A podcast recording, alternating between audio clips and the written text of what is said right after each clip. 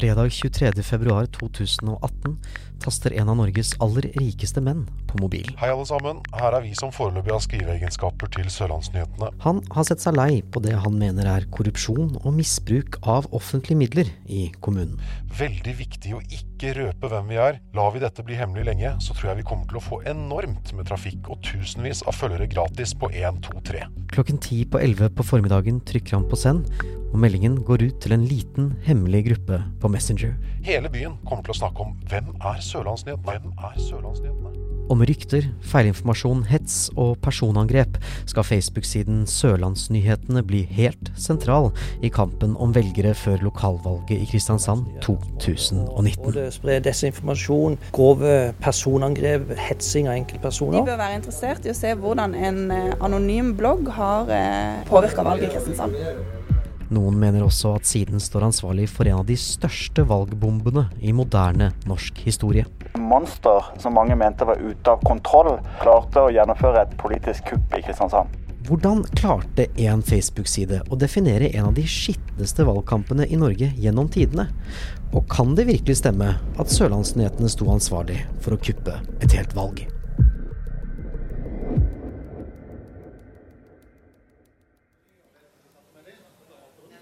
Skal vi se. Her kommer det altså Oi, my oh! Oi, oi, oi! Valgnatta 2019 holder demokratene i Kristiansand valgvake på Hotell Ernst. Med et brystlommetørkle i rødt, hvitt og blått smiler partiets ordførerkandidat og grunnlegger Vidar Kleppe fra øre til øre når han får se de foreløpige resultatene. Men dette her lover jo veldig bra, altså. Og vi har Det innvandringskritiske partiet ligger an til å gjøre et helt vanvittig valg. I 16 år har de hatt to representanter i bystyret. Nå får de plutselig ti.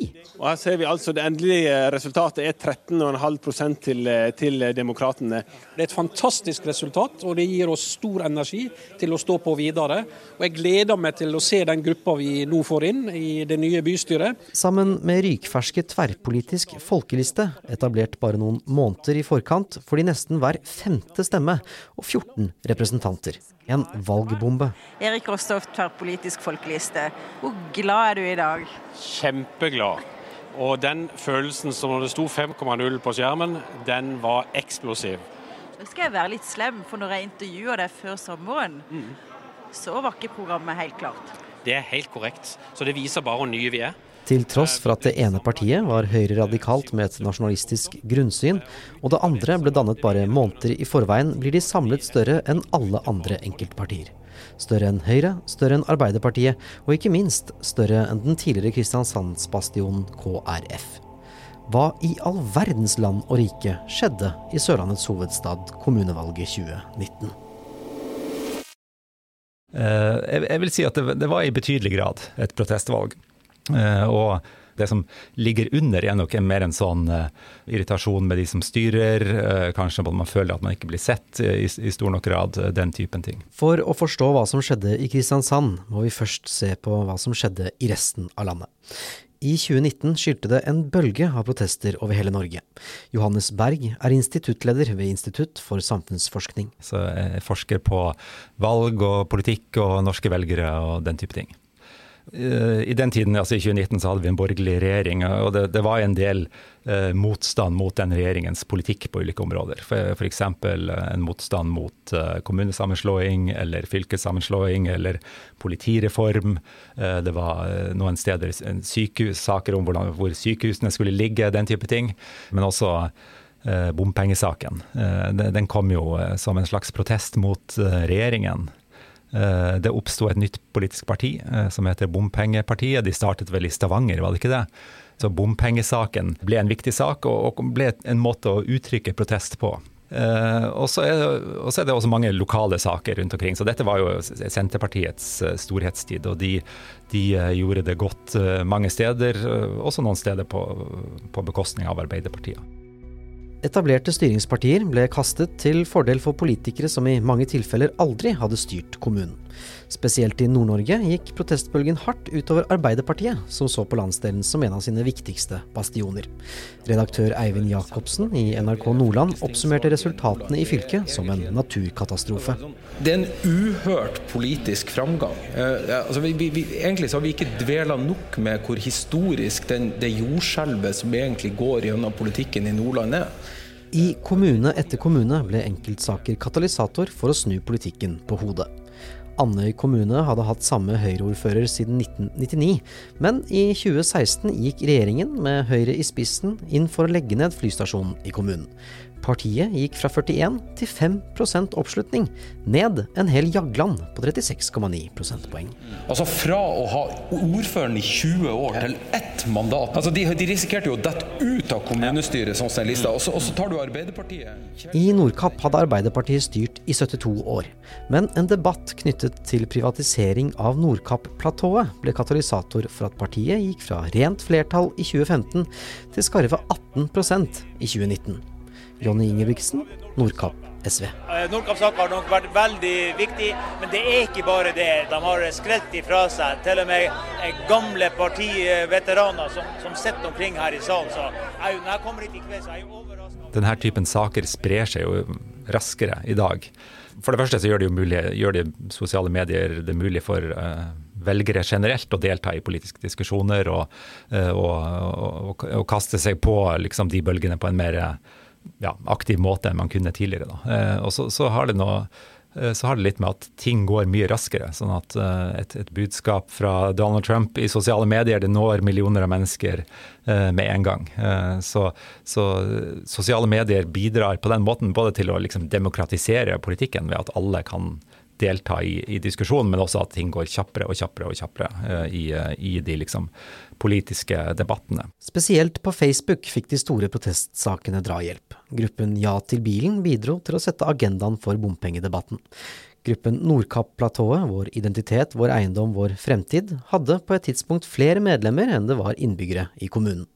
Og i Andøy samlet mye av protesten seg i gruppen Bevar Andøy flystasjon, som på det meste hadde over 30 000 medlemmer liksom, protest er jo også mulig uten sosiale medier, og var mulig før, før man fikk sosiale medier. Men så det, det, er, nok, eh, det er nok mer på en måte hastigheten og, og, og hvordan eh, de sosiale mediene også kan spille på følelser i, i, i de eh, protestbevegelsene som, som ja, får et utslag. I Norges sjette største kommune, Kristiansand, slo protestbølgen ned som en atombombe. Også der var det et knippe enkeltsaker som ble drevet frem av en protestbevegelse på Facebook. Men siden Sørlandsnyhetene skilte seg fra absolutt alt annet. Jeg så jo på dette som egentlig en kjempemulighet. En av landsdelens rikeste menn kontakter deg fordi du skal være fagperson i, et felt der du er utdanna, og han ønsker deg som en del av dette prosjektet. Altså, det er vanskelig å se på det som at det skal være tull. Trond Hansen var Sørlandsnyhetenes første, og noen vil kanskje også si eneste, redaktør. I noen uker våren 2018 skulle han være frontmann for det som skulle bli et alternativ til Kristiansands eneste dagsavis, Fedrelandsvennen. Det oppsto da et ønske fra flere om at eh, byen trenger en ny avis. Fevennen har et slags mediemonopol. Og eh, når vi da syntes at de ikke gjorde jobben sin, så var det en ganske brei enighet om at det trengtes en ny avis i byen. Og det var sånn jeg tror at egentlig ideen om Sørlandsnyhetene kom opp. For Ditt inntrykk var at dette skulle bli et reelt alternativ til Fedrelandsvennen? Ja, altså måten det ble presentert for meg på, var at vi skal starte en ny avis. Du, skal, du, du kan hjelpe meg. Vi, og uh, altså, min rolle skulle da være å være redaktør i en midlertidig periode i startfasen, mens vi jakta på det mannskapet som på en måte skulle være det mer permanente mannskapet. Mannen som presenterer Trond for muligheten, heter Einar Øgrei Bransdal. En solbrun og kjekk sørlending i tidlig 40-årene som kanskje minner aller mest om en surfeinstruktør på Bali. Bransdal slo seg opp som netthandelgründer på 90-tallet, og står bak bl.a. blivakker.no og netthandelen.no. I dag står han oppført med en formue på over 4,5 milliard kroner, og er nummer 84 på Kapitals liste over Norges rikeste. I 2013 ble han intervjuet av NRK, der han forklarer hvorfor han følger det som heter tienderegelen som står i Bibelen. Av alt man tjener skal 10% gå til veldedighet. Jeg tror jo at eh, denne boka er til fordi at han, alt som står der, skal, det er det som gjelder. Det er jo bare en tro jeg har.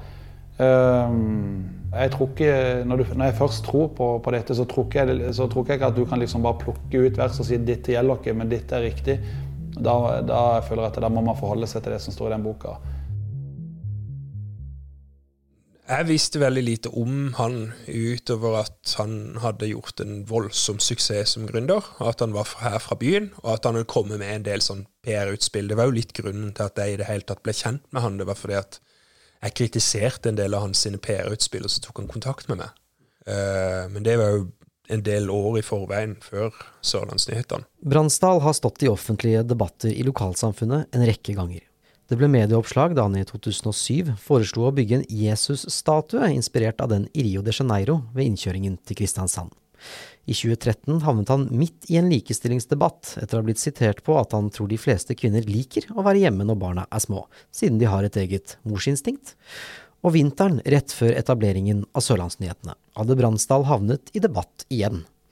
I Fedrelandsvennen rettet han flengende kritikk mot at kommunen skulle bruke penger på å pusse opp en gammel silo, gjøre det om til museum og huse kunstsamlingen til Nicolai Tangen. Og så bare eksploderte de en en kjempestor diskusjon mellom da kunstsiloens motstandere, som ble kalt Silogjengen, og det etablerte, om du skal kalle det det, som ble kalt Fiffen. De prøvde å framstille det som en stormannsgalskap, og at det ville koste veldig mye og ja, ramme skattebetaler og alt sånt noe. Og så ble det framsatt en del påstander rundt ø, prosess, ø, nettverk. Ja, rett og slett hvordan dette hadde blitt realisert, da, og påstander som tegna et bilde av det jeg ville kalle korrupsjon, egentlig. Det er altså i kjølvannet av debatten om en kunstsilo Bransdal kommer til Hansen med et ønske om å lage et alternativ til Fedrelandsvennen.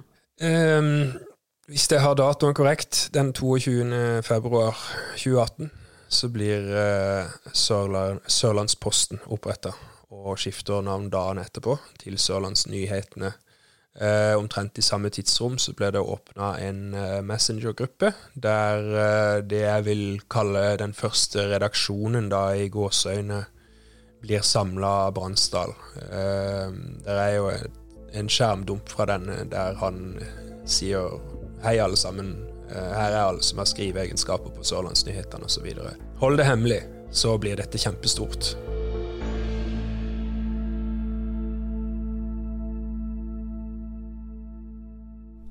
Eh, vi, vi, omtalte Sørlandsnyhetene eh, en stund etter oppstart. Kommentarform og tok avstand fra anonym hets og anonyme påstander. Ba de i det minste si hvem de var. Eivind Jøstad er sjefredaktør i Kristiansands største avis, Fedrelandsvennen. Den første redaksjonelle omtalen av Sørlandsnyhetene publiseres i en kommentar halvannen måned etter oppstarten. Da har siden allerede 7000 følgere. Høyskolelektor i journalistikk, Liv Irén Hognestad, skriver. Det som serveres, er en tendensiøs, kvasijournalistisk lapskaus som kan gjøre noen og enhver dårlig. Folk blir utsatt for sterk kritikk uten at de gis samtidig tilsvar. Slik jeg ser det, risikerer de å undergrave både lokaldemokratiet og åpenheten ved arbeidsmetodene sine, og anonymiteten de skjuler seg bak. Uh, og så var vi òg lenge i det at vi ikke trodde det ville vare så lenge. Uh, diskuterte jo veldig mye om skal vi gi oppmerksomhet til noe vi tar så sterk avstand fra. Altså gi oppmerksomhet til noen som ikke står fram, men som gjemmer seg bak uh, en feig anonymitet og slenger ut påstander til, om enkeltpersoner. Skal vi da viderebringe det og omtale det? Eh, det valgte vi altså ut fra en sånn Don't feed the beast tankegang. Ikke gi det mer oppmerksomhet enn det det fortjener, og vi regner med det går over. Var det riktig vurdering som du ser det i dag?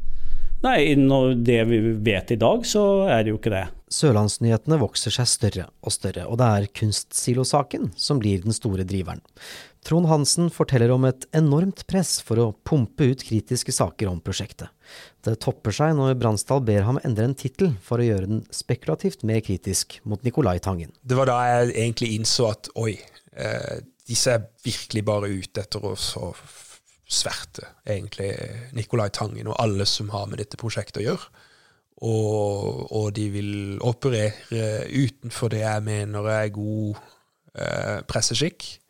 Og er villig til å egentlig fyre løs med påstander som ikke har hold i virkeligheten i det hele tatt, og det kan ikke jeg være med på. I en melding 11. mars skriver Bransdal sitat jeg syns det er kjedelig når du bruker så masse tid på en sak og ødelegger den med en tafatt overskrift. Ikke bli fornærmet, det er godt, men hele saken du har laget er helt rå. Men den hadde eksplodert om du skrev noe slikt som Nicolai Tangen tjent seg rik på våpen, osv. Sitat slutt. Den bestillinga jeg fikk, det var at vi skal starte en avis. Vi skal ikke drive et propagandaapparat mot siloen, vi skal starte en avis, en konkurrent til Fevennen, og da må vi agere deretter fra begynnelsen av. Og Da får jeg plutselig beskjed fra Bransdal om at uh, vi er en gjeng som vil ta avisen i en annen retning. Så da skjønte jeg at det hadde vært et møte uten meg i redaksjonen, om en kan kalle det det, i, i gåseøyne, der uh, de hadde bestemt seg for at nei, Trond må ut. Du har gjort en kjempejobb til nå, skriver Bransdal til Trond, før han fortsetter, sitat. Men vi er nok en del som ønsker avisen i en annen retning enn deg. Sitat slutt. Einar Øgrei Bransdal er fremlagt påstandene fra Trond Hansen i denne saken. Men han har valgt å ikke kommentere eller bidra. Hva skjer da? Nei, da bryter det ut full eh, storm i byen, rett og slett, som følge av at de begynner å skrive ting som eh, ikke har hold i virkeligheten, men som selvfølgelig folk begynner å reagere på. Eh, og påstander om nettverk, korrupsjon. eh, uryddighet i prosesser og ja, at rett og slett folk skjulte masse uh, dirty business da rundt kunstsilo og, og det. Uten Trond Hansen som redaktør fortsetter Sørlandsnyhetene å pumpe ut innlegg under dekke av å være journalistikk. Nå er det heller ingen i Kristiansand som vet hvem som står bak. Og veldig mye publiseres uten noen som helst signatur. Anonymitet gjør at uh, en uh, pusher grensene lenger for hva en kan si. Uh, kanskje en kommer med eh, grovere synspunkt, eh, kanskje kommer med hardere personkarakteristikker. Eh, det, kan, eh, det, er også en tendens at vi ser mer eh, ryktespredning. Bente Karlsnes er Norges første professor i politisk kommunikasjon. Hun forsker spesielt på feilinformasjon, og i 2019 skrev hun boken Falske nyheter løgn, desinformasjon og propaganda i den digitale offentligheten. Ja, altså Redaksjonelle medier eh, fyller da Vær varsom-plakatene. Og Vær varsom-plakatene er sett av eh, etiske regler og retningslinjer for mediene som har utvikla seg siden 30-tallet. Altså Vi har en lang, lang historikk med det. Eh, og det handler da bl.a. om at en eh, skal eh, formidle fakta, at en skal sjekke opplysningene, eh, at en skal ha muligheten til tilsvar. Altså hvis, noen, hvis en blir beskyldt for et eller annet, at den parten da skal også være eh, inkludert. Eh, men så vet vi at det finnes massevis av nettsted og ulike forum på nettet der en ikke følger de reglene. På Sørlandsnyhetene ble det postet anonymt. De fulgte ikke de samme presseetiske reglene som seriøse nyhetssider, og i kommentarfeltene var det mer eller mindre fritt frem. Til tross for dette ble Sørlandsnyhetene reklamert for som gratis nyheter fra Sørlandet uten abonnement. I en privat melding faktisk.no har sett, sendt til Høyres ordførerkandidat i 2023, Mathias Bernander, anslår Bransdal at han har brukt mellom 300 og 400 000 kroner på promotering av det han mente var en nyhetsside. Valgnatta blir Bransdal intervjuet av NRK. Ja, nå har du fått rede hvordan dette her gikk det, og hva sier du da? Jeg har lyst til å bare si tre ord. Glede, glede, glede. Jeg er veldig godt fornøyd. Eh, dette var langt over det jeg hadde forventa. Eh, nå har eh, disse småpartiene virkelig fått god, bred oppslutning i Kristiansand, og det gleder meg. Du har jo eh, hatt et forhold til Sørlandsnyhetene, du har debattert masse sjøl. Tar du litt av æren sjøl for dette Nei, nei, valgresultatet? nei, nei overhodet ikke. Dette har ingenting med meg å gjøre. Dette er folket som har bestemt. Vi er jo over 110 000 mennesker i Kristiansand kommune. Og jeg er én av 110 000, så det har ingenting med meg å gjøre. Folket har talt, og det er jeg veldig godt fornøyd med. Altså Når du bruker nyhetene i et uh, type nettsted uh, som tittel, så gir det uh, assosiasjoner til at dette er nyheter, og da har en visse forventninger til troverdighet rundt det. Og, og det er noe som vi har sett masse diskusjon om når det gjelder falske nyheter, at en bruker troverdigheten til nyhetsmediene for å også få flere lesere. Eh, Hva gjør det med det offentlige ordskiftet som en helhet, uh, dette her, når man har sånne smågrupper som kommer med feilinformasjon, kommer med hets, setter en sak på agendaen, tegner et bilde av at det er en elitistisk gjeng i kommunen. Hva gjør det med det offentlige ordskiftet før et valg? Eh, når en får ei gruppe som er veldig aktiv, og det er stort engasjement, eh, så kan det være med på å sette saker på dagsorden som ikke blir satt på dagsorden ellers. Og det vi også vet fra forskninga, at det, de sakene som blir satt på dagsordenen, som får stor oppmerksomhet, det er en tendens at eh, velgere vurderer dem som viktige, og tar stilling til det.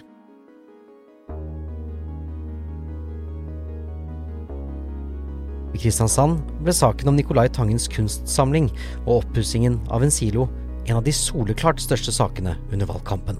Her fra Fedrelandsvennens Fem på gata valgdagen. Jeg skal ha vekk den der på eh, museet på Brygga. De er jo gale. At eh, kommunen skal Altså at vi skal betale. Hvis han der vil, eh, fra Flekkerøya vil, så var han en milliardær. Så kan han jo ta det sjøl. Og bensin fikk kunstsilobålet fra Sørlandsnyhetene. Valgforsker Johannes Berg mener de politiske partiene er helt avhengig av å gjøre seg bemerket under valgkampen. Og på Sørlandsnyhetene var det de to overraskelsespartiene Demokratene og Tverrpolitisk Folkeliste som eide silosaken i forkant av lokalvalget. Eh, En stor del av velgerne bestemmer seg for hva de skal stemme på i løpet av valgkampen.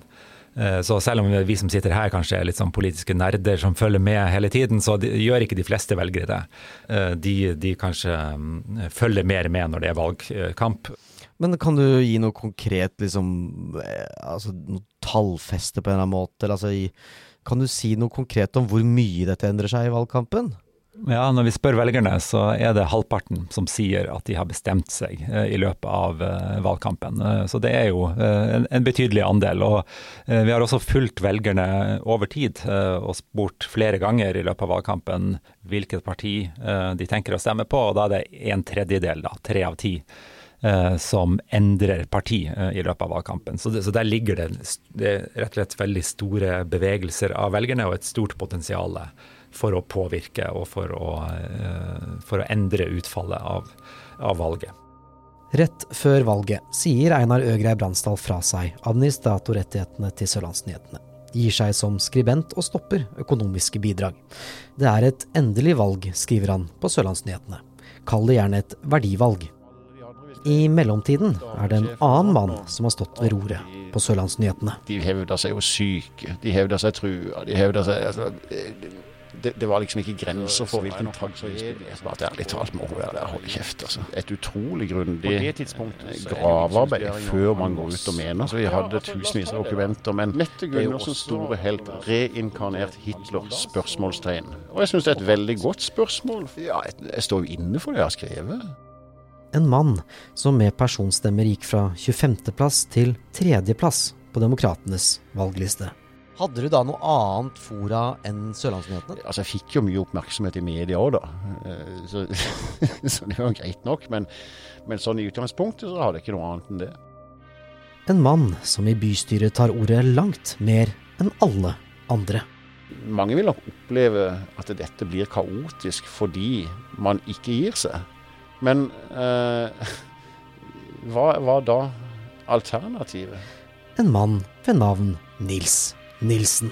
Det er ikke så om å gjøre for meg å bli likt av 100% av Norges befolkning. Det holder greit med en promille for meg, altså. Men, eh, Nilsen og hvordan han styrte Sørlandsnyhetene skal du bli bedre kjent med i neste episode. For Trond Hansen, som ga seg etter bare noen uker, har tiden som frontfigur for en av de mest kontroversielle norske Facebook-sidene noensinne fått store konsekvenser. Ja Skilt. eh, fikk jo massivt med tyn og pepper, sånn både av kompiser og av bekjente, og i alle sosiale sammenhenger jeg deltok med, og hvorfor jeg var med på dette, og det ble jo Altså, det, det bare fulgte meg i ganske lang tid.